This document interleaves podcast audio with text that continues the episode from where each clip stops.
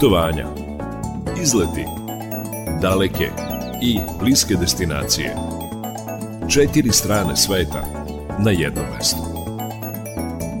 Peta strana sveta.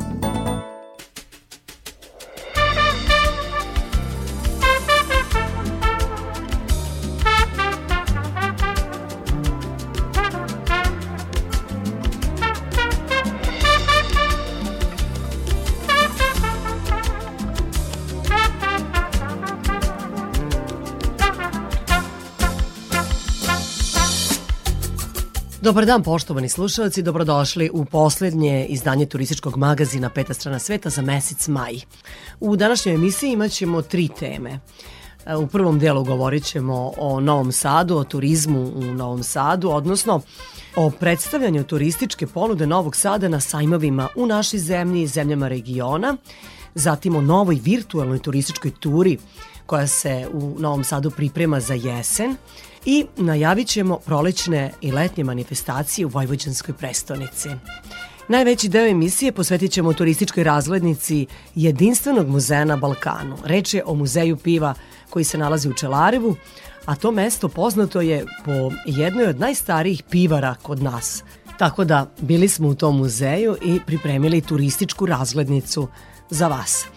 Pred kraj emisije govorit ćemo o razvoju ruralnog turizma u Vojvodini, a bit će reči i o počecima ruralnog turizma u Srbiji. Dakle, e, gde je začet ruralni ili seoski turizam, to ćete doznati ukoliko budete slušali petu stranu sveta, a na samom kraju emisije bit će tu i naša rubrika Vesti iz sveta turizma. I ovoga petka sa vama su muzički urednik Srđana Nikolić, majstor tona Damjan Šaš, Ja sam Irina Samopjan, volim da kažem na početku emisije, neka ovo naše putovanje počne.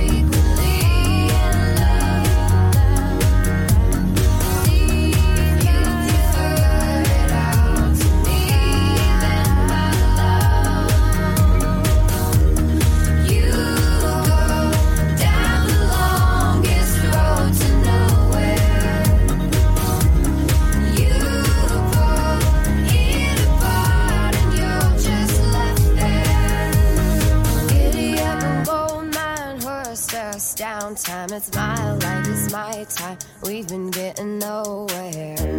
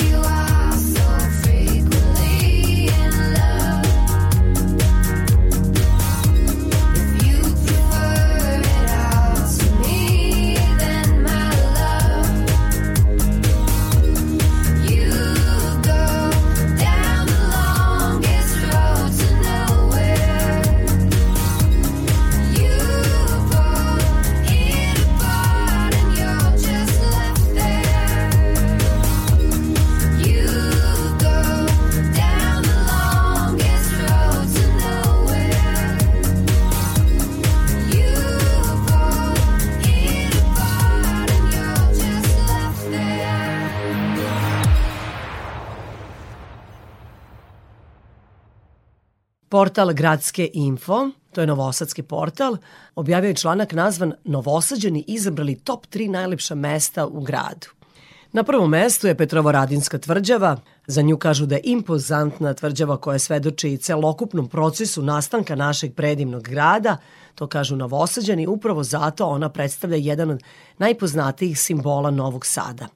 Poznata je po čuvenom festivalu koji godinama dovodi najpoznatije imena svetske muzičke scene, krivudavim i interesantnim stazama za šetnju, ali i po podzemnim vojnim galerijama i mogućnostima da istražujemo njene zidine, podzemne prolaze, bastione i ostale objekte na tvrđavi, a jedan od svakako prepoznatljivih objekata na Petrovoradinskoj tvrđavi je sat koji još zovu pijani sat, zato što velika kazaljka pokazuje sate, a mala pokazuje minute. Dunavski park se nalazi na drugom mestu. Vi znate da novosađani kažu Dunavski park, a ne Dunavski. Prva asocijacija svima kojima se pomene taj park u Novom Sadu su čuveni par Labudova Isa i Bisa, ali veoma je važno napomenuti i da je Dunavski park najstariji park u gradu koji je nastao u 19. veku i to na mestu nekadašnjeg velikog jezera i livade na kojoj su se održavali vašari. Park danas ima 13 funkcionalnih celina čiji su sadržaji najnovijom rekonstrukcijom unapređeni. Dunavski park je omiljeno mesto roditelja i dece, studenta koji su seli da preispita još jednom sve ponove, turista koji su spustili ranac pored klupe da odmore noge od dugih obilazaka, baka i deka koji trče za unucima oko jezera i onih koji su želeli da baš tu, među zelenilom, pročitaju omiljenu knjigu ili pojedu kuglu sladoleda. I na trećem mestu je stari gradski centar ili staro gradsko jezgro, šarm i arhitektonski biseri odišu uskim ulicama centra Novog Sada. Trg Slobode, na čijem centralnom delu se nalazi čuveni spomenik Svetozaru Miletiću, okružen je velelepnim fasadama i najlepšim građevinama u gradu. Iako je arhitektura to što šetnju tim delom grada čini čarobnim, veliki broj kafića, restorana i lokala sa autentičnom atmosferom Novog Sada, ono je što ostavlja najveći utisak na posetijece. Eto, to je bilo istraživanje gradskog sajta Gradske info. Dakle, čujeli ste koje su to top 3 destinacije u Novom Sadu prema izboru Novosađana. A ako ostanete uz Radio Novi Sad, uskoro ćemo govoriti o turističkoj ponudi grada, kako se Novi Sad predstavlja a, izvan grada, na sajmovima, kako se predstavlja u regionu. Zatim ćemo govoriti o novoj virtualnoj turi koja se priprema u gradu i najavit ćemo prolećne i letnje novosadske manifestacije. Budite uz nas. Peta strana sveta.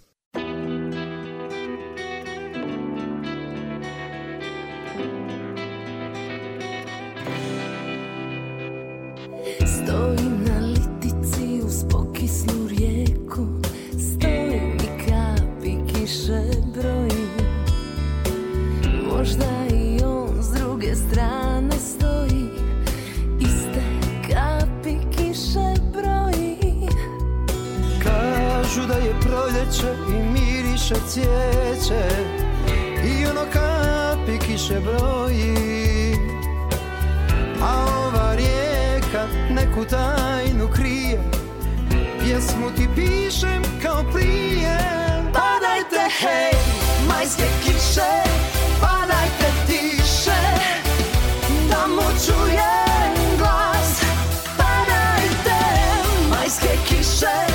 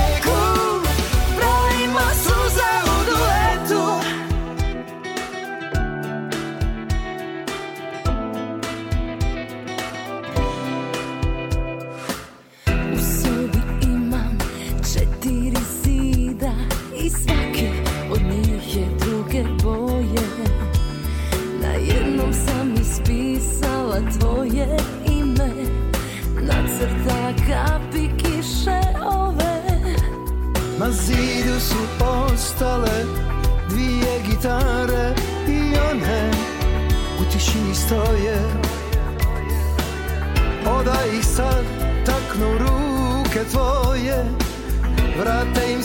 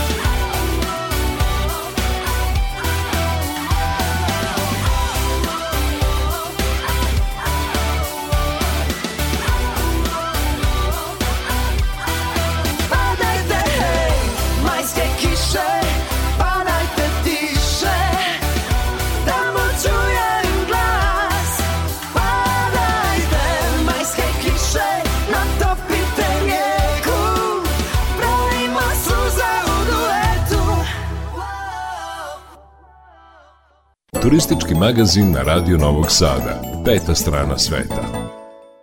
U nastavku programa govorimo o radu turističke organizacije Novog Sada, o angažovanju te kuće i predstavljanju Vojvođanske prestonice na razno raznim sajmovima, događajima. Moja sagovornica Maja Guzjano na radiju u toj kući. Majo, iza vas je uspešan početak godine. Gde ste sve predstavljali turističku ponudu Vojvođanske prestonice? Turistička organizacija grada Novog Sada je od početka godine učestvovala na ukupno 13 domaćih inostranih sajmova. Izdvojila bih sajmove u Beču, Stuttgartu, Berlinu, Ljubljani, Sofiji, Zagrebu, kao i sajmove u Beogradu i u Nišu. Fokus uspešnog predstavljanja bio je na autentičnim proizvodima i sadržajima koje nudi ne samo Novi Sad, već i njegova okolina. Tu mislim na Frušku goru kao oazu za rekreaciju i uživanje sa manastirima i vinarijama i mislim na Sremski Karlovce. Da, eto, tim novim potencijalnim turistima, kako u zemljama regiona, tako i šire e, na popularnim turističkim sajmovima, vi ste uglavnom e, predstavljali Frušku goru kao našu lepoticu da je treba posetiti videti, a konkretno u Novom Sadu na koje ste destinacije skretali pažnju potencijalnim posetiocima. Kada govorimo o Novom Sadu, dakle ono što je opšte poznato i za one koji dolaze u Novi Sad i za one koji su dobili preporuku za Novi Sad, kada govorimo o turama obilaska, to su dakle staro jezgro grada, centar, um, Petrovaradinska tvrđava, Kej, um, Štrandu u tim nekim mesecima kada je otvorena uh, kupališna sezona. E, tako da eto to su neke lokacije u gradu koje su prva asocijacija na Novi Sad i koje zapravo uh, turisti najviše vole da posete. Naravno ustanove kulture koje su otvorene tokom cele godine sa svojim sadržajima E, isto nešto što je u Novom Sadu interesantno e, kako turistima e, koji dolaze e, iz drugih zemalja, tako i novosađanima koji te ustanove kulture i preporučuju ljudima koje poznaju i koji im dolaze u posetu.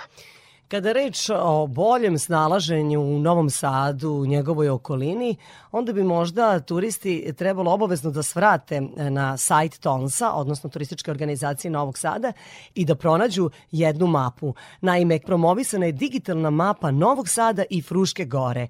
Šta ona sadrži? E, Znamo da je to samo prva faza izrade mape, ali da čujemo šta je napravljeno u toj prvoj fazi. Kolege iz turističke organizacije grada Novog Sada su u prethodnom periodu radili na implementaciji e, mape koja sadrži e, zapravo e, prikaz Novog Sada i Fruške gore. U pitanju je digitalna mapa i kao što ste spomenuli u pitanju je prva faza izrade u okviru koje je obeleženo blizu 600 tačaka najznačajnijih turističkih atrakcija, vinareja, restorana, planinarskih staza, javnog prevoza i slično sa navigacijama do svakog odredišta.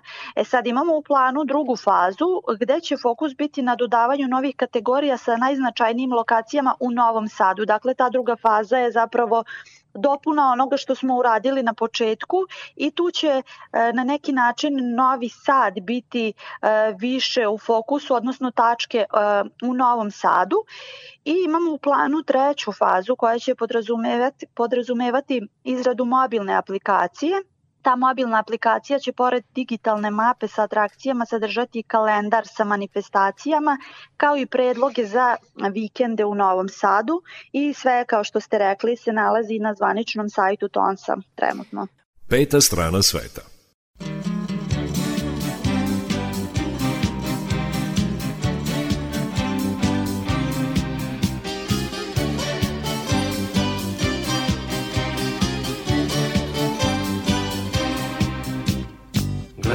Gledam banac, Srem i Bačku s gore Gledam tako, a u duši lom. Tu je nekad, kažu knjige, bilo more Čekalo me pa presušilo. Rođeni sam more plovac ko Magellan Ili još bolje ko Admiral Cook. U ravnici usred njiva gubim elan Nasukan u žitu morski vuk Mog mora nema i ne znam šta da radim Moj stari kaže da i Dura nije loš. Mog mora nema, ali ja živim u nadi Da možda ipak negde srećemo se još. Život mi je zato gorak kao tonik Tuga moja bez kraja i dna. Al na sreću tu je mesec svetionik Vodi me kroz plave vode Pogrebaš mene da tako nešto snađe. Ovo je priča i za suze i za smeh Poneki mornar možda ostane bez lađe Ali bez mora to je izuzetan peh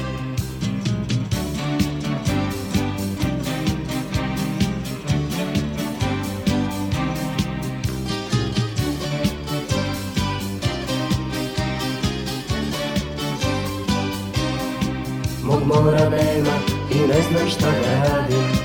Moj stari kaže da ni Dunav nije loš. Mog mora nema, ali ja živim u nadi. Da možda ipak negde srećemo se još. Odgrebaš mene da tako nešto snađe Ovo je priča i za suze i za smeh.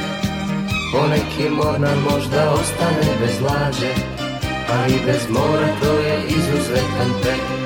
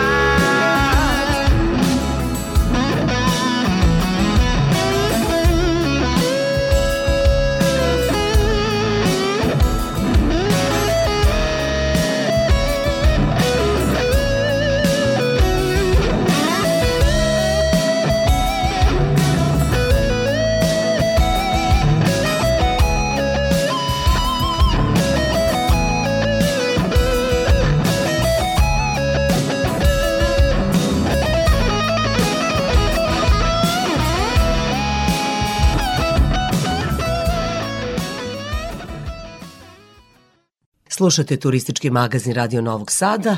Moja sagovornica je Maja Guzijan koja radi u turističkoj organizaciji Tonsa. Radio Novi Sad. Znamo da Novi Sad potpuno drugačije izgleda s proleća na leto, da je živ, užurban, prepun turista. Pa kakve su manifestacije u pripremi e, baš za proleće i leto u Novom Sadu? Da, ovo su meseci kada nas zaista očekuje mnogo događaja E, konkretno kada govorimo o maju, e, manifestacija Muzeji za 10 e, na više lokacija u, gra- u gradu, među kojima je i turistička organizacija grada Novog Sada. Mi smo u saradnji sa Udruženjem umetnika sa Petrovaradinske tvrđave kroz izložbu Van Zaborava odlučili da predstavimo skulpture, grafike i slike 12 preminulih članova tog udruženja i ta izložba će biti otvorena do 10. juna. Naravno, Međunarodni poljoprivredni sajam od 20. do 26. maja, kada su smešteni kapaciteti kao i svake godine gotovo u potpunosti potpunjeni u Novom Sadu i okolini, Ove godine je specifičnost u tome što Novosadski sajam obeležava veliki jubilej, dakle 100 godina postojanja sajma i 90 godina postojanja Međunarodnog poljoprivrednog sajma. Sterino pozorje od 26. maja do 3. juna i e, Evropska smotra srpskog folklora dijaspore 27. i 28. maja. To su događaji koji nas očekuju do kraja maja, a kada govorimo o događajima e, u junu i u julu, dakle u junu od 5. do 11. jula 66. zmajeve dečije igre, od 15. do 17. juna na Trgu Slobode otvaranje jubilarnog 20. Interfesta, manifestacije koja promoviše vinsku kulturu i vinske proizvode sa teritorije cele Srbije. I u prvoj polovini jula očekuju nas veliki festivali, Exit festival, Blockstock festival, Dani Nikole Tesla u Novom Sadu i da spomenem avgust koji je rezervisan za festival uličnih svi- svirača, odnosno Gradić Fest. Eto koliko postoji razloga da turisti dođu, da vide Novi Sad, da ga posete i da uživaju, jer svakako će imati animaciju. Pripremili smo sve to za njih, jel? Tako je, tako je, kao i svake godine, ogroman broj događaja i sadržaja za sve generacije, tako da pozivamo sve koji vole tu vrstu okupljanja, zabave da posete Novi Sad ili da jednostavno oni koji žive ovde nastave da uživaju kao i prethodnih godina. Hvala vam, Maja, na razgovoru. Hvala i vama. Ja se zahvaljujem na informacijama Maji Guzijan koja radi u turističkoj organizaciji Novog Sada. Ona je zadužena za odnose sa javnošću. Gradovi su mnogi slavni, ali meni jedan glavni. Tvrđava mu čelo krasi, a Dunav mu obraz kvasi. Imena mu četiri dali, ti što su ga svojim zvali. Vole ga i stari mlad, pa naravno, pa naravno, ta naravno, Novi Sad. Nastala je varoš vina Ispod Petrova radina A slobodu baš od cara Kupila za puno para. Farbale ga razne boje Za sebe bi da ga kroje. Ne dam da tu nered vlada Ta ja sam iz, ta ja sam iz, ta ja sam iz Nova Sada Novi Sad je dobar, Novi Sad je naš. Ako nisi znao, to treba da znaš. 021 poziva se tako Ali da ga dobiješ, ove nije lako. Novi Sad je dobar, Novi Sad je naš. Lako nisi znao, to treba da znaš. Kad pomisliš da si pokorio grad Vrlo brzo osjetit ćeš šta je Novi Sad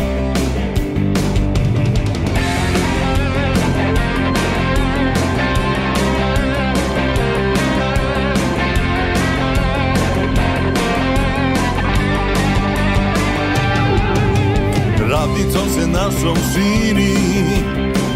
Preko Fruške gore viri Koliko dođe mesta ima.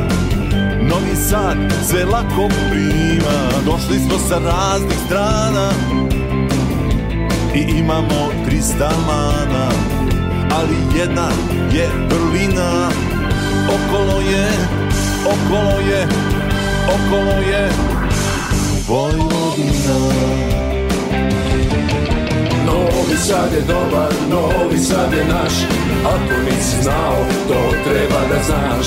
021 poziva se tako Ali da ga dobiješ, ove nije lako. Novi Sad je dobar, Novi Sad je naš. Ako nisi znao, to treba da znaš. Kako misliš da si pokorio grad Vrlo brzo osjetit ćeš šta je Novi Sad grad Novi Sad Novi Sad. Ostanite uz nas, još govorimo o Novom Sadu, odnosno najavit ćemo jednu novu turističku turu koja je u pripremi za jesen. Prema rečima onih koji pripremaju tu turističku turu, oni koji to požele, moći će virtualno da se šetaju kroz grad.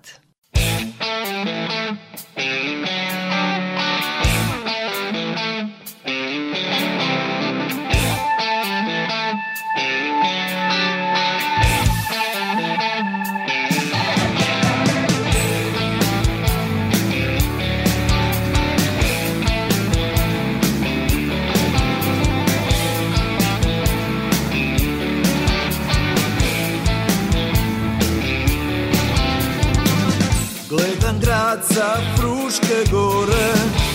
Tu namilujem u obale Nebo plavo sudravnica Njive su mu granica. Mostom preko Dunava Leži stara tvrđava. Vekovima noć i dan Čuva nama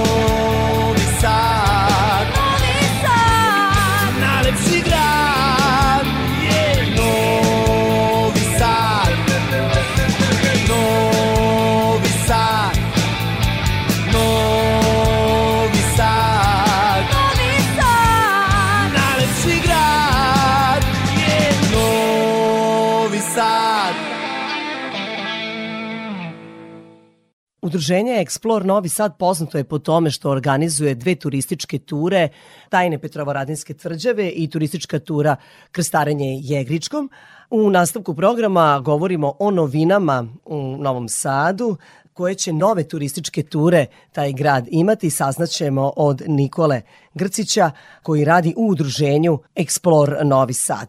Reč je o jednoj virtuelnoj turističkoj turi. Jeste, tako je. Ovaj, ćemo u realizaciju virtualnog, tu, turističke ture virtualnog Novog Sada, gde će novosađanima, naravno i svim gostima, e, biti predstavljeno nekoliko turističkih tura kroz VR naočare, odnosno kroz, virtu, kroz virtualne naočare, e, gde, ćete, gde će posetilac, odnosno turista, novosađanin ili gost, stranac, nebitno, e, stavi naočare i jednostavno kada stavi te naočare moći će da prošeta kroz Novi Sad i da se upozna sa svim najznačajnijim objektima u Novom Sadu.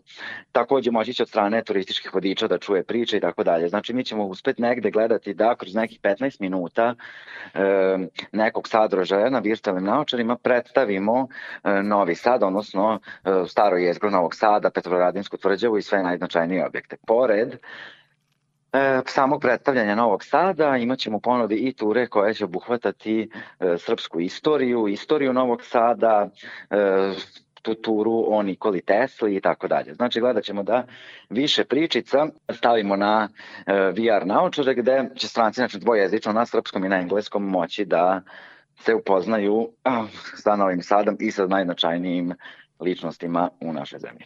Gde će posetioci Novog Sada ili Novosađani dolaziti da bi bili deo te turističke ture? U koje E, tako. prostorije?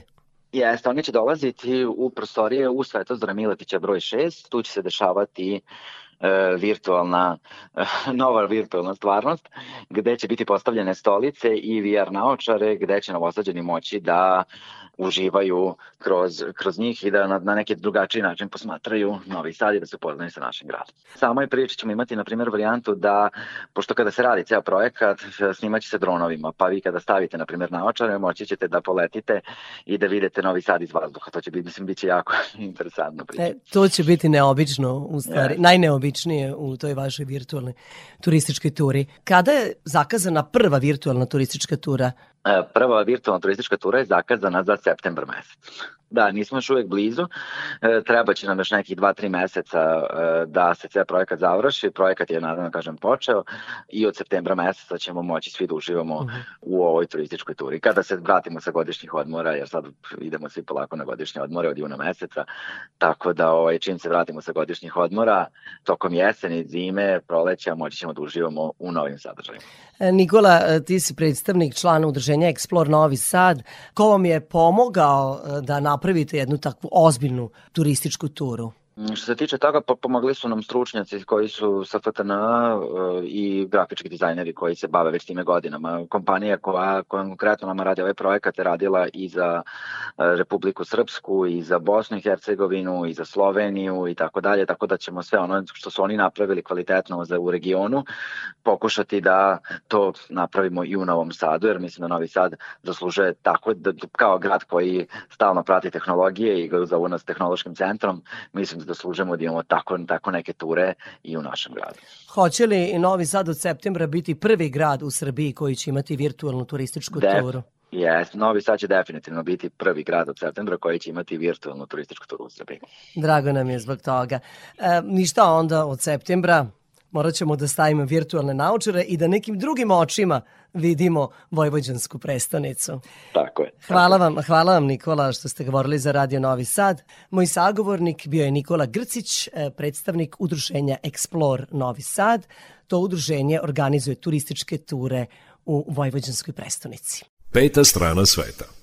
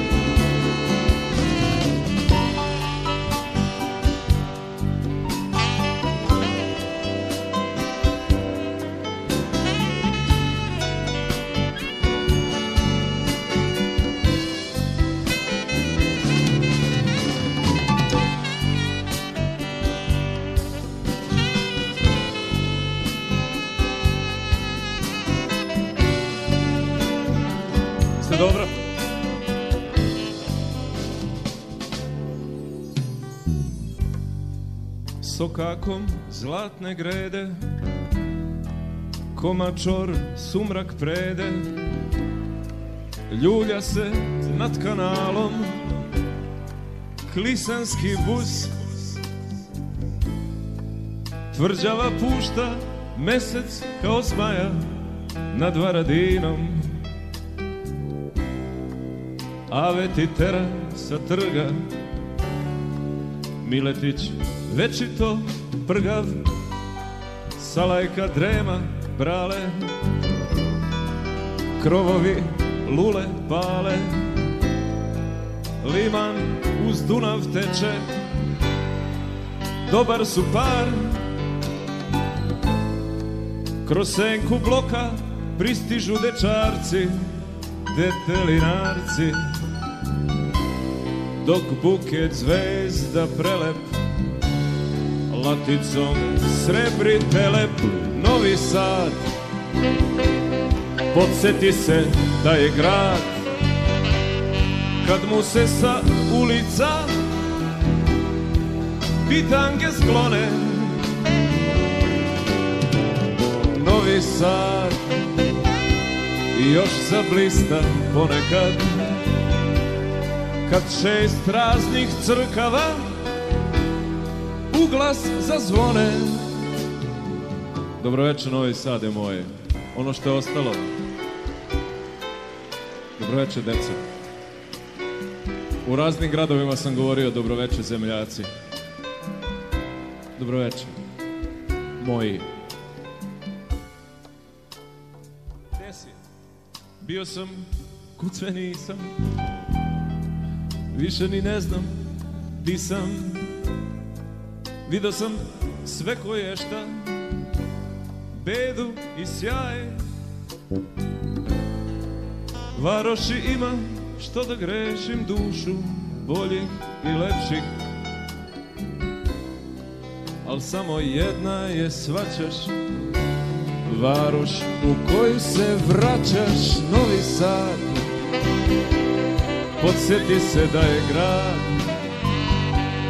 Kad mu se sa ulica Bitange sklone Moj Novi Sad Još zablista ponekad.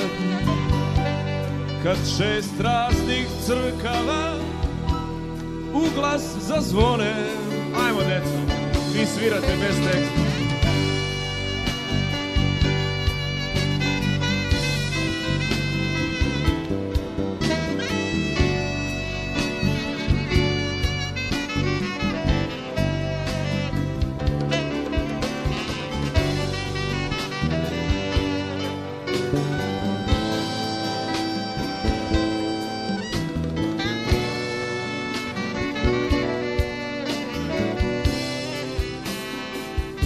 pitam gde je tašta da ne bude poznat.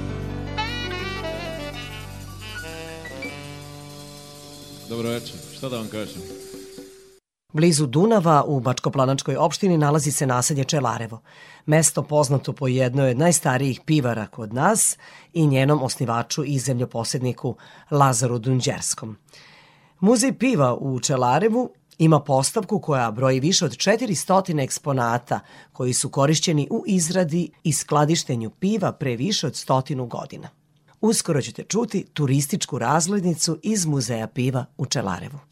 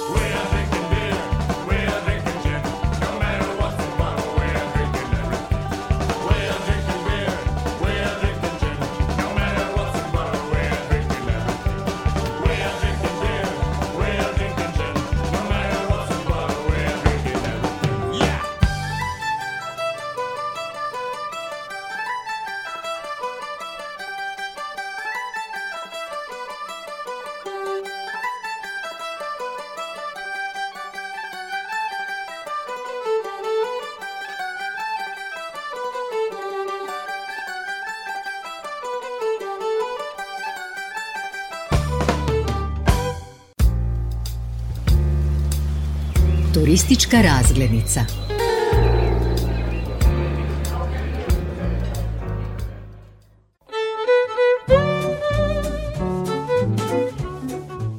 Muzej piva u Čelarevu za njega kažu da je jedinstven muzej na Balkanu.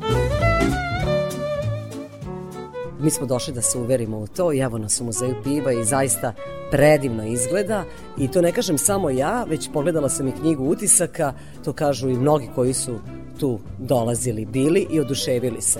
Pored mene je Ljiljana Radišić, ja ću reći da je ona kustoskinja muzeja, ali ona nije samo to, mnogo više od toga. Neko ko je dao dušu i srce da se ovaj muzej osnuje. Ljiljana, kad uđemo u muzej, prvo nas dočeka istorija pivarstva u Vojvodini, od kada postoji pivarstvo kod nas. Pa zvalično od 19. veka možemo govoriti o razvoju pivarske industrije u Čibu, tadašnjem nazivu sela ili mesta, sad je to Čelarevo naravno. Svuda u svetu je pivarstvo nastalo onoga momenta kada Louis Pasteur proizveo gornje vrenje i kada se pronašao kvasac kao glavni sastojak piva koji u stvari daje trajnost pivu, pivo se ne kvari, može duže da se održi i to je najbitnija stavka u razvoju pivarstva. Sve dotle pivo se spravljalo u malim količinama, u kućnim varijantama, u manastirima, po strogo čuvanim recepturama i to su bile male količine uglavnom zimi. Da vidimo ovde u, u tom istorijatu koji je predstavljen da je postojalo mnogo malih pivara kod nas i da su ljudi u stvari u kući, svako je pravio svoje pivo u kući zbog toga što nisu verovali u kvalitet vode, zapravo nije bila kvalitetna voda za piće Jeste. tada. To je jedan od razloga što, što su ljudi pili puno piva, što je voda bila loše kvaliteta i onda kuvanjem sa ječmom i dodatkom hmelja, samim tim kuvanjem su uništavane bakterije ili šta se već nalazilo u vodi loše kvaliteta i ljudi su više pili pivo nego vodu. Pričamo o 19. veku. To je taj period. Tu ima i priče o, o nastanku ove naseobine, da je to bilo podvodno tlo, da je tu bilo nerazvijena teritorija, gde se... Tek... Močvarno tlo. Močvarno tlo. Zbog blizine da, Dunava. Jeste, upravo to. Ovaj deo posvećen je glavnim sastojcima piva. To su četiri dara prirode, dobra, kvalitetna voda, iskopani bunara na dubini od 200 metara, domaći ječam, hmelj ili ekstrati hmelja, pošto hmeljarnika odavno više ovde nema, i naravno kvasac koji čuva pivo na duži period. Čitav muzej posvećen je Lazaru Dunđerskom, veleposjedniku koji je u Čelarevu kupio od drugog mađarskog veleposjednika dvorac 1882. I on je zapravo napravio malu pivaru u blizini dvorca i otuda onda i ta činjenica da je muzej posvećen njemu. Lazar je jako želeo da otvori ovu pivaru. On je na delu svog imanja koja je bila šuma šikara e, molio svoga oca Gedeona da napravi pivaru, on mu je to dozvolio i on je 892. znači na svom delu imanja kao što ste videli ovde na neposrednoj blizini je dvorac u kome su oni živeli, napravio malu pivaru kapaciteta tadašnjih oko 10.000 hektolitara. Iako je bio srećan što je otvorio tu pivaru, mada je on i kupio pivaru u Zrenjaninu, ali ova, mi, ova mu je bila jako srcu draga, tako da je eto i ona toliko dugo godina je opstala i posle njegove smrti u vremenu kada je pivara bila u državnom vlasništvu i sada kada je u privatnom vlasništvu, znači zaista smo imali sreću da ona traje preko 120 godina. Ovde u muzeju imamo baš zbog toga jedan odeljak koji je posvećen Lazaru Dunđerskog. Šta ima u tom odeljku? Pa obzirom da su naši sadašnji vlasnici kompanija Carlsberg eh, želela da sačuva tradiciju, što nam je jako vredno i značajno, napravili smo i radnu sobu Lazara Dunđerskog gde se nalaze njegove lični predmeti, tu su fotografije, dokumenta, Lazarova knjiga o lovu, harmonijum koji je on nekada poklonio jednoj devojčici u Čelarevu pa smo ga mi na određeni način otkupili, njegova vitrina knjige koje je čitao, radni sto, znači sve, sve što... Boce, pivske uspeli- boce iz pivske tog vremena. boce, vrlo vredne, jer su stale preko 100 godina, gde je na njima ugravirano Donđerski. Imamo ih mnogo i sve su nam podjedako drage i vredne, tako da smo i dalje u traganju sa svim onim stvarima koje su nekada pripadale pivar Lazara Donđerskog. Peta strana sveta.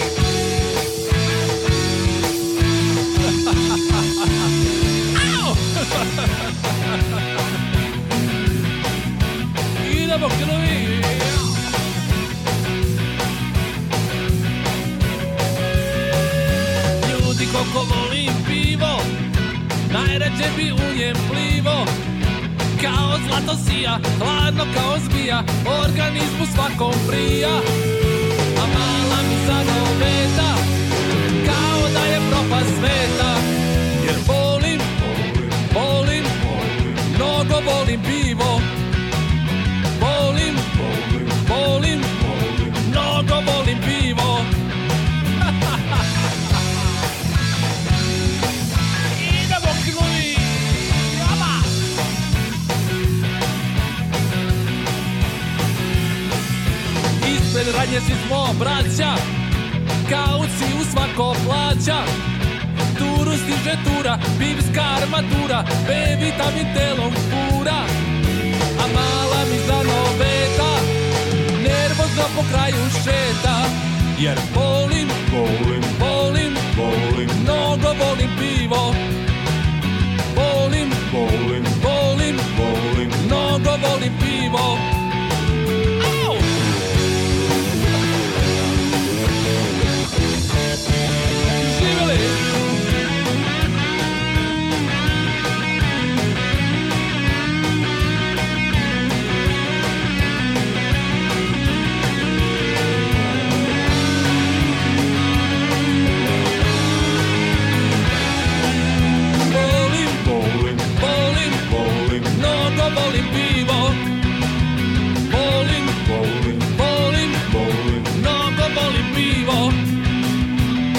mi rakiju domaću. Pa štjevovica, pa prepečenica, pa kleka, pa travarica, pa volim i vinjak, pa i viski može, i vino, belo, crno, roze, sve može, a najviše volim, volim, volim, volim, mnogo volim pivo, stvarno volim, volim, volim, volim, mnogo volim pivo,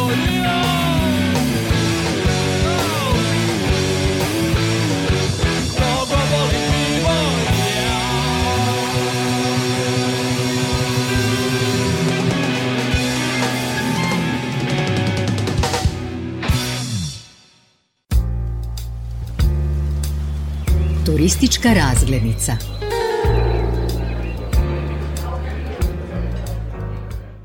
Nekadašnji Čib, a današnje Čelarevo, važilo je za jedno od mesta začetnika pivarske industrije u Vojvodini. Krajem 19. veka, za vreme velike industrijske revolucije, zemljoposednik Lazar Dunđerski otvara u tom mestu jednu od prvih vojvođanskih pivara davne 1892. godine. Kroz muzej piva u Čelarevu vodi nas kustostkinja Ljiljana Radišić. Turistička razglednica.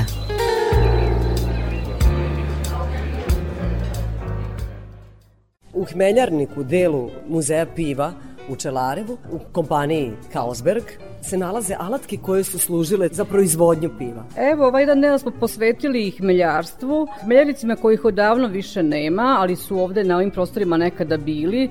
Tu imamo i fotografije kako se nekad e, održavao hmeljarnik, kako su ljudi e, na štulama brali hmelj, ali sve je to deo istorije. Kolice za sušanje hmelja, hmelj koji je star preko 40 godina, lopate i razne druge alatke koje su korišćene u branju hmelja. A to je bio veoma težak posao. To je bio ne? jako težak posao, zato što je hmelj, hmiljka koja raste jako visoko. Tako da je to bilo nezgodno za branje, sve do pojave beračica, to se sve radilo ručno. Postoje merice gde su ljudi brali hmelj, na kraju radnog dana oni su dobijali bonove za svaku nabranu tu posudu i to se zbrajalo na kraju dana, tako se vršila ispit. Vidim, piše na eksponatu punionica piva. Dakle, to je mašina koja je punila pivo u bocu. Jeste, to su nam posebno vredni eksponati u ovom delu koji bi zovemo proizvodnja. Imamo tu kolice za hmelj ili ječam, imamo mašinu za punjenje šest boca piva, koju je nekada jedan radnik otkupio od Dunđerskih e, pre drugog svetskog rata i mašinu za ručno zatvaranje boca, one su zaista e, redke, mi ih više nigde ne možemo naći, jako smo srećni što smo do njih došli. Tu imamo Dobro, ovde je takođe jedna mašina koja samo treba da začepi bocu. Jest. Njih je verovatno bilo više na jednoj liniji, to je e, bukvalno ručno zatvaranje boce. Koliko se godišnje proizvodilo piva u pivari Donđerski? U početku 10.000 hektolitra godišnje. S tim što je ta proizvodnja stalno pomalo rasla, mada je bilo tu i opadanja proizvodnje zbog ratova, česti sukoba i tako dalje, pa pivara i nije radila punim kapacitetom. Neizastavan deo u muzeju piva je jedna improvizovana kafana sa šankom. Tako je nekada izgledala kafana, evo ovde u Čelarevu. Da, tako je nekad izgledala kafana u 19. veku. Imamo ovde stari šank s početka 20. veka, tu je pumpa sa kojom se točilo, a ono što je jako važno i zanimljivo jesu ove stare ledare. Imamo ih tri. Drvene E, rade to kad sam bazi- nekome pričala da su nekada postali drveni frižideri, ljudi mi nisu verovali. A evo jednog ispred mene, kako je on radio? Jeste, on je radio na bazi leda. Unutrašnji deo se stavljao led koji se sekao zimi na Dunavu. Čuvao se u podrovima u slam i tako se mogao sačuvati tokom cele godine. Okolo se stavljale boce, led se naravno topio, ali je kasnije Lazar Dunđerski imao i svoje fabrike leda. Tako da se na taj način nije bilo struje, Da. a pivo je bilo hladno.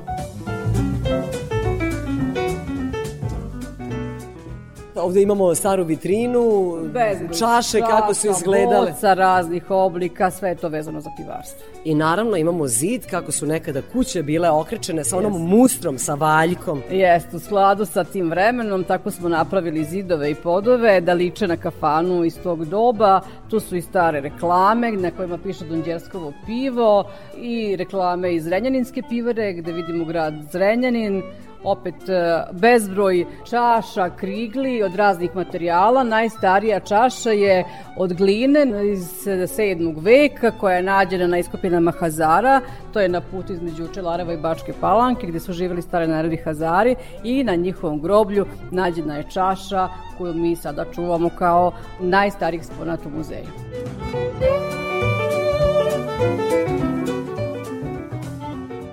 Da kompanija Carlsberg iz Danske nije kupila pivaru u Čelarevu, teško da bismo mi sada šetali po ovom muzeju, jer su oni uložili izvisni novac i da se napravi ovako lep muzej piva. Tako da jedan deo pivare je posvećen i početcima pravljenja piva i pivske industrije kompanije Carlsberg. Jeste. Jeste, jako je važno što je u laboratoriji Jakoba Jakobsena, osnivača Kalsberga, radio Louis Pasteur. On je zaslužan za pasterizaciju, za gornje vrenje, za kvasac i da nije bilo njegovog izuma ne bi imali piva danas. Ljiljana Radišić je kustoskinja Muzeja piva u Čelarevu i neko ko se trudio da se svi ovi eksponati nađu u ovom prostoru, u ovom jedinstvenom muzeju na Balkanu. Ljiljana, e, kada sam čitala knjigu utisaka koja je odmah na početku, pročitala sam da su biciklisti prolazili kroz Čelarevo pa su se zaustavili i pogledali muzej piva i mnogo im se dopadalo. Dakle, turisti prolaze i posećuju rado vaš muzej iako je radno vreme četvrtkom od 2 do 4. Kažete da najviše posetilaca imate vikendom. Pa muzej piva je deo turističke ponude Vojvodine i Srbije. Nama su gosti uvek dobro došli, pošto ljudi obično putuju vikendom, to su subote i nedelja, mi ih rado primamo, tako da po dogovoru kad dođu uvek su dobro došli. Što nam je posebno bitno, da ljudi odu zadovoljni, da ponesu utiske, da čuju nešto novo i da budu ponovo naši gosti. Zaista se ljudi ponovo vraćaju. Imamo tid regatu Dunavsku koju ide svake godine dolazi po 80 stranaca, ima najviše čak ljudi iz Australije. Zatim to su razne udruženja, penzioneri, studenti, preko turističkih organizacija, agencija, ljubitelji old-timera, biciklisti kao što ste rekli. Znači, Ljiljana, kako da vas pronađu svi oni koji žele da dođu da vide ovaj jedinstveni muzej? Pa kako, na- Koji broj da nazovemo preko interneta, kako da se javimo? Pa na sajtu Kazbrga možete naći moj broj telefona, ukucate samo mu- muzej piva u Čelarevu i dobit ćete sve informacije. S obzirom na to da je za sve posetioce pivo u muzeju piva besplatno, da nazdravimo u time. Živali. Živeli.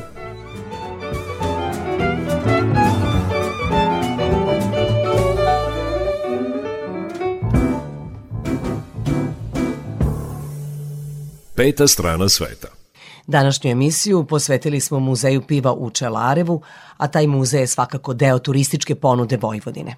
Posetioci, pored muzeja piva u Čelarevu, mogu obići i dvorac Dunđerskih.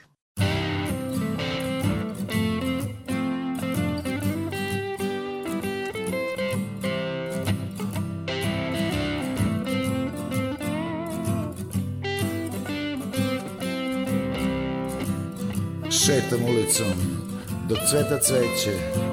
Prilazim ženskama, nijedna me neće. Odlazim u prvi bar Da makar malo popravim stvar. Pivo, pivo, pivo, pivo je za mene Pa makar i bilo iz flaše zelene. Osjećam ga kako struji mi kroz vene. Pivo, pivo, pivo, pivo je za mene Kada popizdim i kada sam sam. Kad ne znam kako da provedem dan Treba mi nešto da popravim stvar. Treba mi pivo, Boži dar. Pivo, pivo, pivo, pivo je za mene Pa makar i bilo iz flaše zelene. Osjećam ga kako struji mi kroz vene. Pivo, pivo, pivo, pivo je za mene.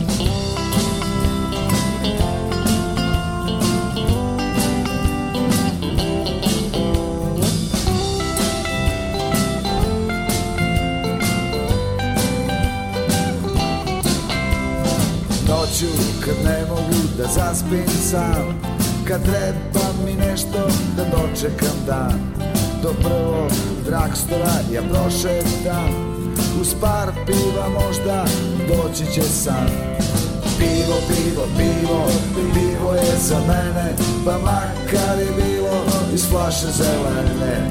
Osjećam ga kako struji mi kroz vene. Pivo, pivo, pivo, pivo je za mene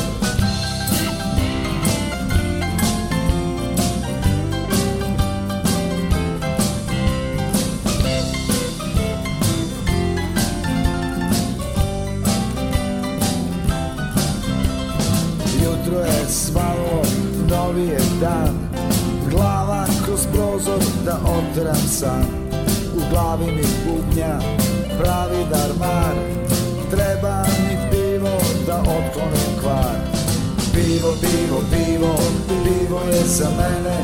Pa makar i bilo iz flaše zelene. Osjećam ga kako struji mi kroz vene. Pivo, pivo, pivo, pivo je za mene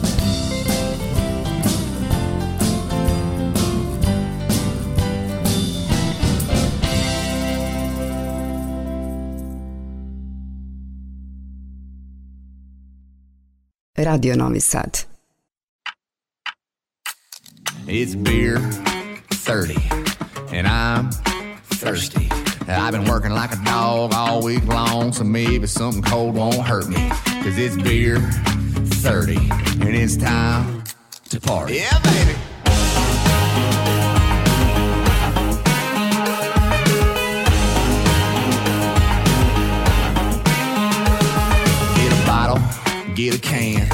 Probably get a couple in each hand. Either I'm half lit or there's a keg in the corner. I'm considering it doing me a keg stand. I'm getting day drunk. I've had a wild hair here lately. Yeah, it's feeling like college all over again. Cause everybody's yelling, do something crazy. Cause it's beer 30. And I'm thirsty. I've been working like a dog all week long, so maybe something cold won't hurt me. Cause it's beer 30. And it's time to party, y'all. It's beer 30. It's time to party, y'all. It's beer 30. It's time to party, y'all. I hate to let in the air in the line. I got a 24 pack for 9.99, and every single one of them some bitches is mine. And it's looking like about that time. Yeah, I'm talking about beer 30. And I'm thirsty. I've been working like a dog all week long, so maybe something cold won't hurt me. Cause it's beer 30, and it's time to party. Yeah, baby.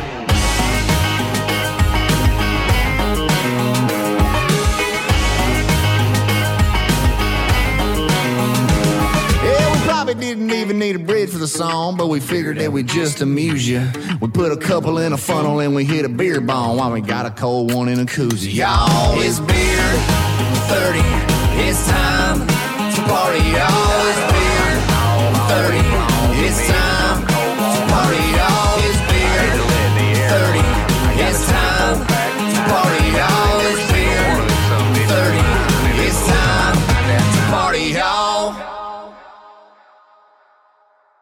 Peta strana sveta.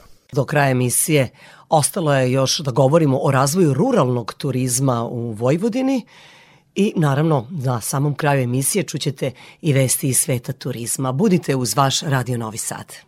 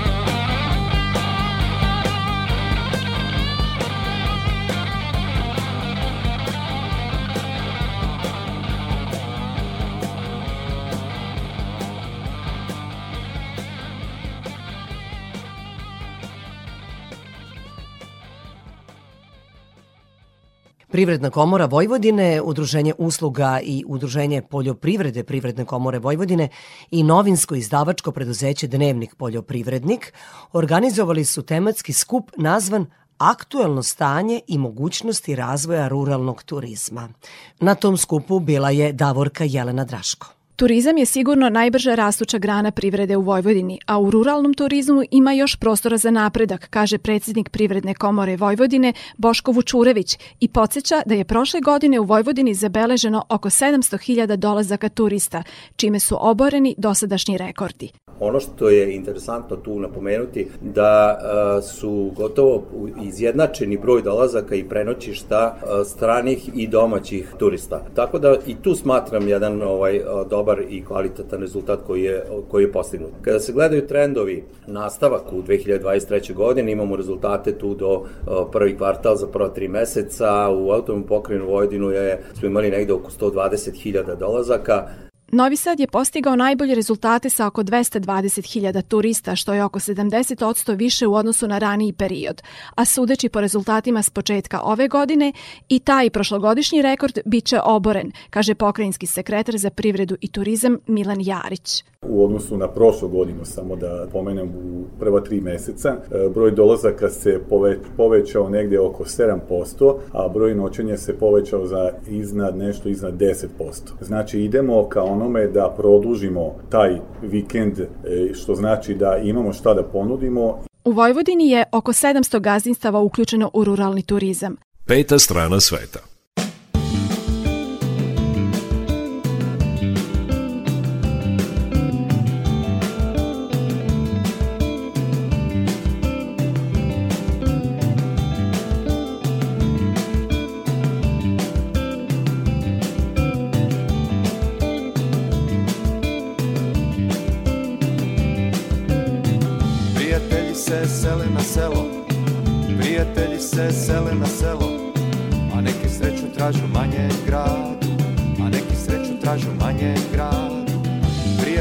Sada žive zdravo,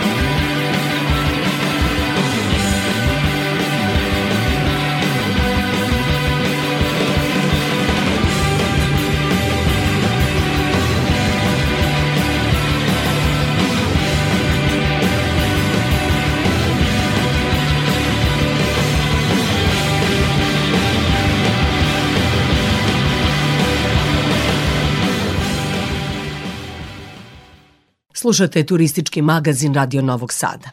Gde je u našoj zemlji prvo pokrenut seoski ili ruralni turizam, o tome ćemo govoriti do kraja emisije, odnosno do 18 časova.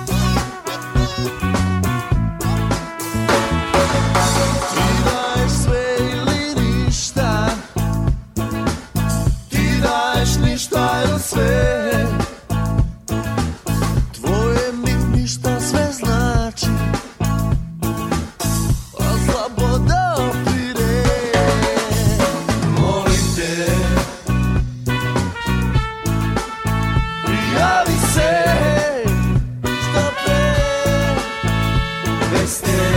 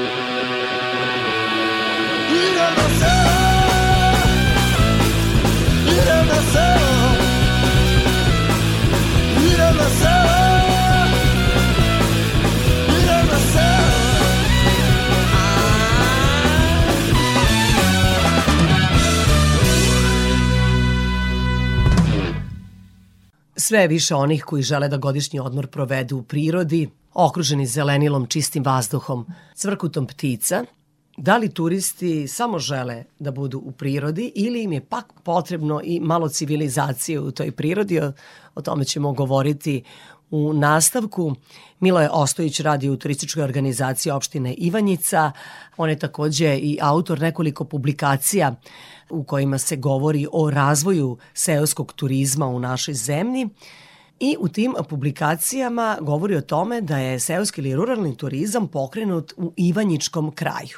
Nekoliko stručnih i naučnih radova vezanih za oblast seoskog turizma i razvoj seoskog turizma na prostorima bivše Jugoslavije sam objavio. Uglavnom svi radovi se odnose na začetke seoskog turizma. On je inače začet u e, selima Ivanjičkog kraja. Selo Devići, selo Lisa i selo Maće.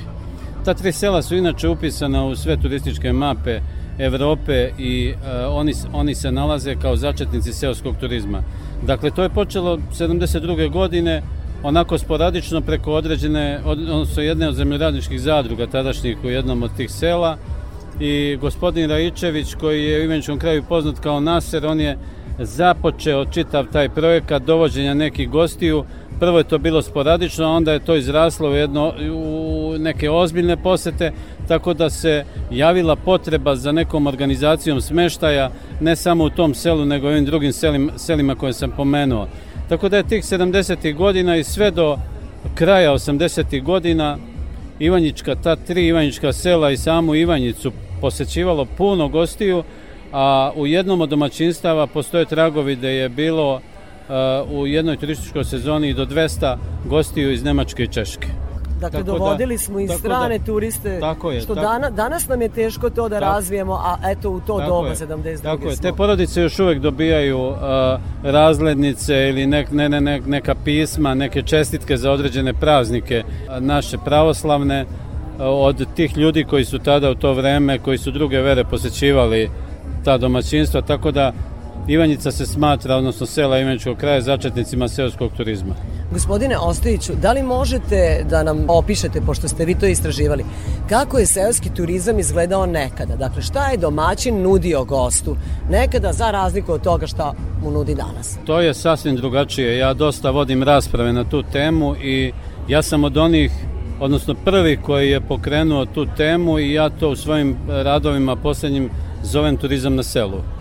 I tu obuhvatam još neke e, segmente smeštaja, ne samo e, u, u privatnim smeštajima, odnosno u seoskim turističkim domaćinstvima, nego to podrazumeva smeštaj i u hotelima koja se nalaze u selima. Zašto? Zato što je to prevazišlo neke, e, neka dešavanja koje su bila tada 70. godina. To je bilo dovesti gosta koji se uključivao u poljoprivredne radove, koji je zajedno živeo neki svoj život sa tim meštanima, kosili su seno, plastili su, brali su neko, ne, neke plodove, najveći broj njih nije ni plaćao taj svoj smeštaj, jer su pomagali tim ljudima, kupali su se u nekim e, buradima sa vodom i tušem ispred. Znači, živjeli su jedan život kakav su živjeli meštani tog sela u tom trenutku. Sada je to sasvim drugačije. Gosti u selima Ivaničkog kraja su gosti koji su visoke platežne moći, veoma zahtevni i oni traže selo, traže mir, traže bazen, traže e, dobar apartman, traže internet e, i traže hranu koja ne mora biti proizvedena u tom domaćinstvu, ali mora biti iz sela. Dakle, oni traže savremeni život u seoskoj ali u sredini. selu. Hranu iz sela, u seoskoj sredini, ali da mogu da pristupe svojim poslovima, svojim biznisima koje, koje rade. To su ljudi koji e, obično budu na nekim morima svetskim, na godišnjim odmorima. jeste na godišnjim odmorima i onda finale tih godišnjih odmora su sela ili Ivaničkog kraja, to su ne mogu da ne, ne pomenem i sela Kosjerića, Valjeva i tako te, te zapadne Srbije, ali pre svega znači govorimo o, selima Ivaničkog kraja, to su gosti koji finaliziraju svoj odmor u selima. Mir i spokoj Jeste, za kraj jeste. godišnjeg odmora. Otprilike tako, otprilike tako. Moj sagovornik bio je Miloje Ostojić, koji radi u turističkoj organizaciji opštine Ivanjica, pisao je na temu ruralnog turizma i preneo nam je rezultate svoga istraživanja. Peta strana sveta.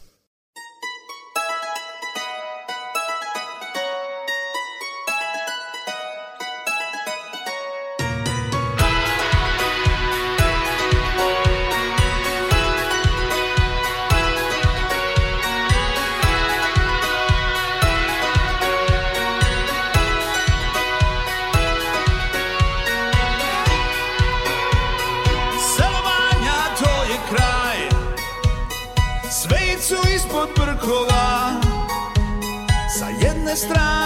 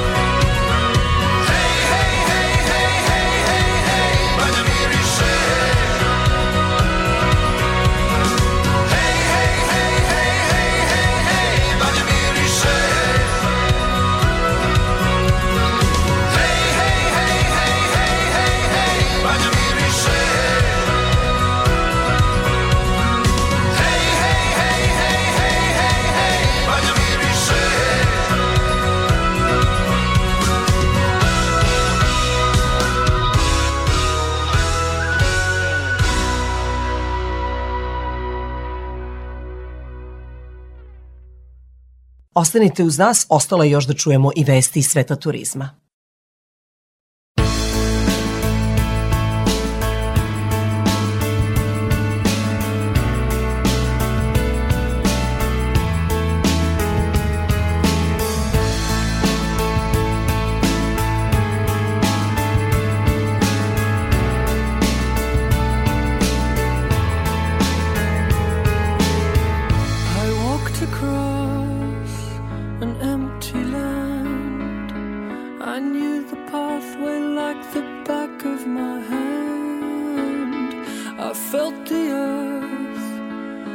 beneath my feet. Sat by the river and it made me complete. Oh, simple thing, where have you gone? I'm getting old and I need something to rely on. So tell me when you're gonna let me in. I'm getting tired and I need somewhere to begin.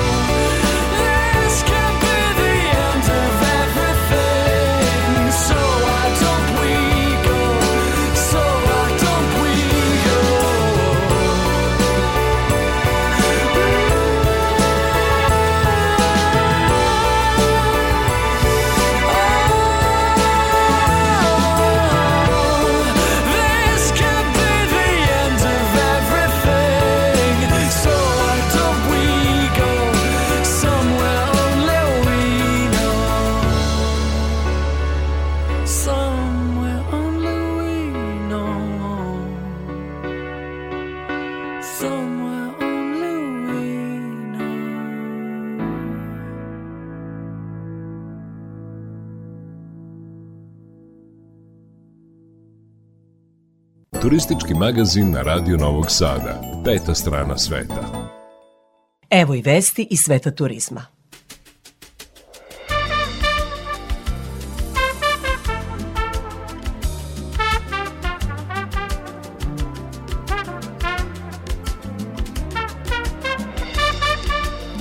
Za početak, evo jedne vesti koja je stigla iz Ministarstva za turizam i omladinu. Pomoćnica ministra za turizam i omladinu Dunja Đenić i generalni direktor Globalnog saveta za održivi turizam Randy Durband potpisali su sporazum o pristupanju Srbije Globalnom savetu za održivi turizam na konferenciji saveta koja se održava u Antali u Turskoj. Potpisivanje tog sporazuma omogućit će Srbiji da dobije podršku za prilagođavanje globalnim standardima održivosti u turizmu u skladu sa potrebama naše zemlje, kao i da se promoviše kao zemlja održivog turizma širom sveta. Održivi turizam podrazumeva razvoj turističkih destinacija na način koji doprinosi zaštiti životne sredine, ekonomskom napretku malih i srednjih preduzeća na turističkim destinacijama, kao i promovisanju njihove autentične kulture i tradicije. Na panelu o održivom turizmu na Zapadnom Balkanu na konferenciji u Turskoj promovisano je opredeljenje Srbije da isprati najnovije globalne trendove u turizmu i predstavi se kao destinacija dobrih domaćina i domaćinskog privređivanja koje je u osnovi održivog turizma. Srbija ima brojne mere i subvencije za sektor turizma, kao i vaučere za stanovništvo koji promovišu lokalni turizam i kroz njega ravnomerni održivi razvoj zemlje. Naglasak se stavlja na komunikaciju sa privredom, koja će biti okosnica buduće strategije za razvoj turizma Srbije, izjavila je Dunja Đenić, pomoćnica ministra za turizam. Srbija sada ima mogućnost da uspostavi nacionalne standarde održivog turizma, što bi pružaocima turističkih usluga u našoj zemlji omogućilo da ponesu zvaničnu oznaku održivosti i time odgovore na zahteve modernih posetilaca iz celog sveta. Jedan od najvećih svetskih turoperatora koji posluje na tržištu Velike Britanije, TUI, objavio je listu najtraženijih destinacija za letnji odmor. Prema dosadašnjem interesovanju turista i booking programa, Španija je najtraženija letnja destinacija, a na listi se nalazi i Grčka, Hrvatska i pomalo neočekivano Bugarska. Najtraženija destinacija ove godine je Costa Brava u Španiji, dok je na drugom mestu Santorini, na trećem se nalazi Ibiza, na četvrtom Grčko ostrvo Krf, a na petom mestu su letnje destinacije u Hrvatskoj. Na šestom mestu destinacije u Bugarskoj, u zemlji koja po svemu sudeći ima blistavu budućnost, bar kada je turizam u pitanju. Za Hrvatsku TUI navodi da nudi sve, od drevnih znamenitosti i poznatih lokaliteta do usamljenih ostrva i nacionalnih parkova. Posebno se izdvaja Dubrovnik, Istra i Kvarnerski zaliv, kao i cela Dalmatinska obala. Hrvatska je izuzetno popularna jer nudi odmor koji odgovara svima, kako porodicama, tako i putnicima koji vole da vreme provedu sami u prirodi. Gastronomska ponuda Hrvatske je također raznovrsna. Od lokalnih restorana koji nude sveže morske specijalitete do vrhunskih fine dining restorana sa Mišlenovim zvezdicama, Hrvatska ima sve. Bugarska je izuzetno povoljna destinacija kako za individualne, tako i za porodične odmore. Postoji mnogo kulturno-istorijskih znamenitosti, ali i mnogo plaža sa belim peskom koje zapljuskuje toplo crno more. Ta zemlja je posebno interesantna jer nudi jeftin i sadržajan odmor sa hotelima i restoranima koji nude tradicionalnu i ukusnu hranu. Ako vas zanima u kojim gradovima turisti najviše troše novca, odgovor na to pitanje pronašla sam na sajtu investitor.me. Kada je u pitanju putovanje, neki turisti ne štede novac, a neki gradovi su uspešni u privlačenju baš takvih gostiju. Od luksuznog pustinskog grada Dubaja do grada svetlosti i ljubavi Pariza, mnogi međunarodni putnici danas žele da istaknu krem de la krem destinacije sa svojih lista želja.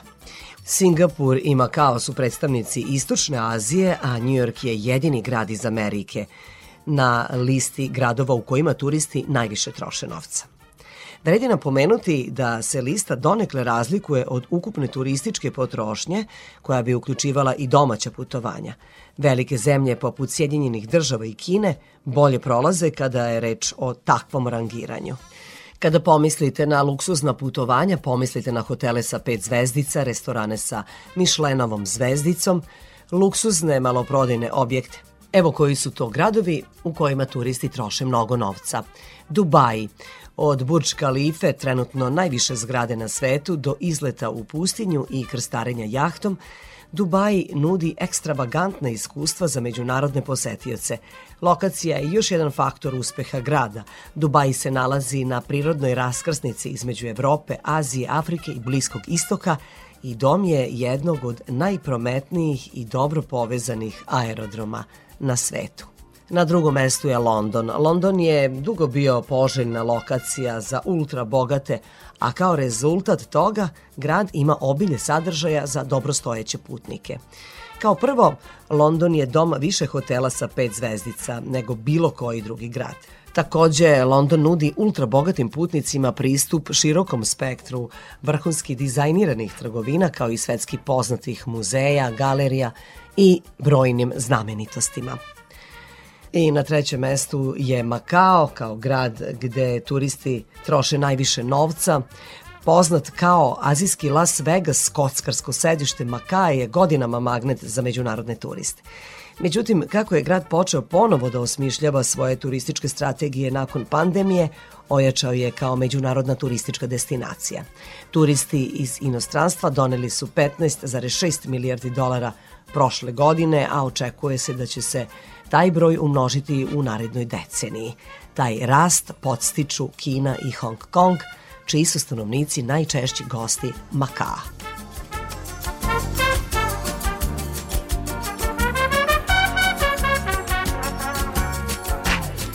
I evo za kraj još jedne vesti. Booking.com je vodeća digitalna platforma za putovanja i u svom poslednjem istraživanju predstavnici te kompanije potvrdili su najaktuelniji trend u turizmu. Danas je održivi i ekološki turizam prioritet. Podaci istraživanja pokazuju kako je pandemija uticala na putnike da se sve više okreću održivim oblicima putovanja i kako su postali svesni sobstvenog delovanja na okolinu i lokalne zajednice. Više od polovine putnika iz celog sveta, njih 53%, potvrđuje da želi da putuje održivije, a gotovo svi ističu da će u svojim budućim putovanjima izbegavati poznate destinacije i da će ostvariti svoja putovanja van turističke sezone. Najbolja formula, navode putnici, jeste odabir alternativnih destinacija van turističke sezone kako bi se izbeglo stvaranje prevelikih gužvi. Putnici ne razmatraju pažljivo samo odabir destinacija, već razmišljaju i o tome kako njihova putovanja mogu ostvariti dugotrajni učinak na lokalne zajednice, bilo da se radi o pozitivnom ili negativnom delovanju. Istraživanje Booking.com servisa otkriva da veliki broj putnika želi da potroši svoj novac na putovanju koje se ostvaruje u lokalnim zajednicama, što bi predstavljalo investiciju i doprinost očuvanju kulturno-istorijskih dobara. Taj trend je optimističan pokazatelj da će putnici u budućnosti donositi dobre odluke u vezi sa putovanjima, imajući na umu da će svaki održivi korak koji preduzmu pomoći da se smanji njihov uticaj na okolinu. Dakle, u fokusu će biti putovanja bez gužvi, putovanja van sezone, bez plastičnih i ostalih materijala koji ugrožavaju planetu i pozitivan odnos prema lokalnim zajednicama.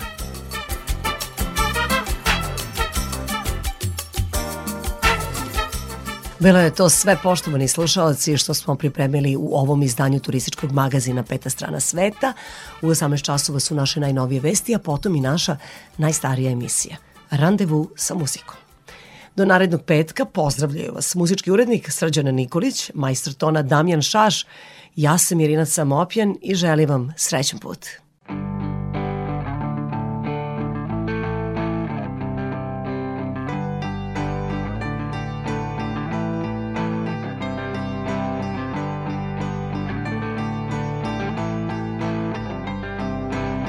closing time. Open all the doors and let you out into the world. Closing time. Turn all of the lights on over every boy and every girl. Closing time. One last call for alcohol, so finish your whiskey or beer closing time. You don't have to go home, but you can't stay here. I know who I want to take me home.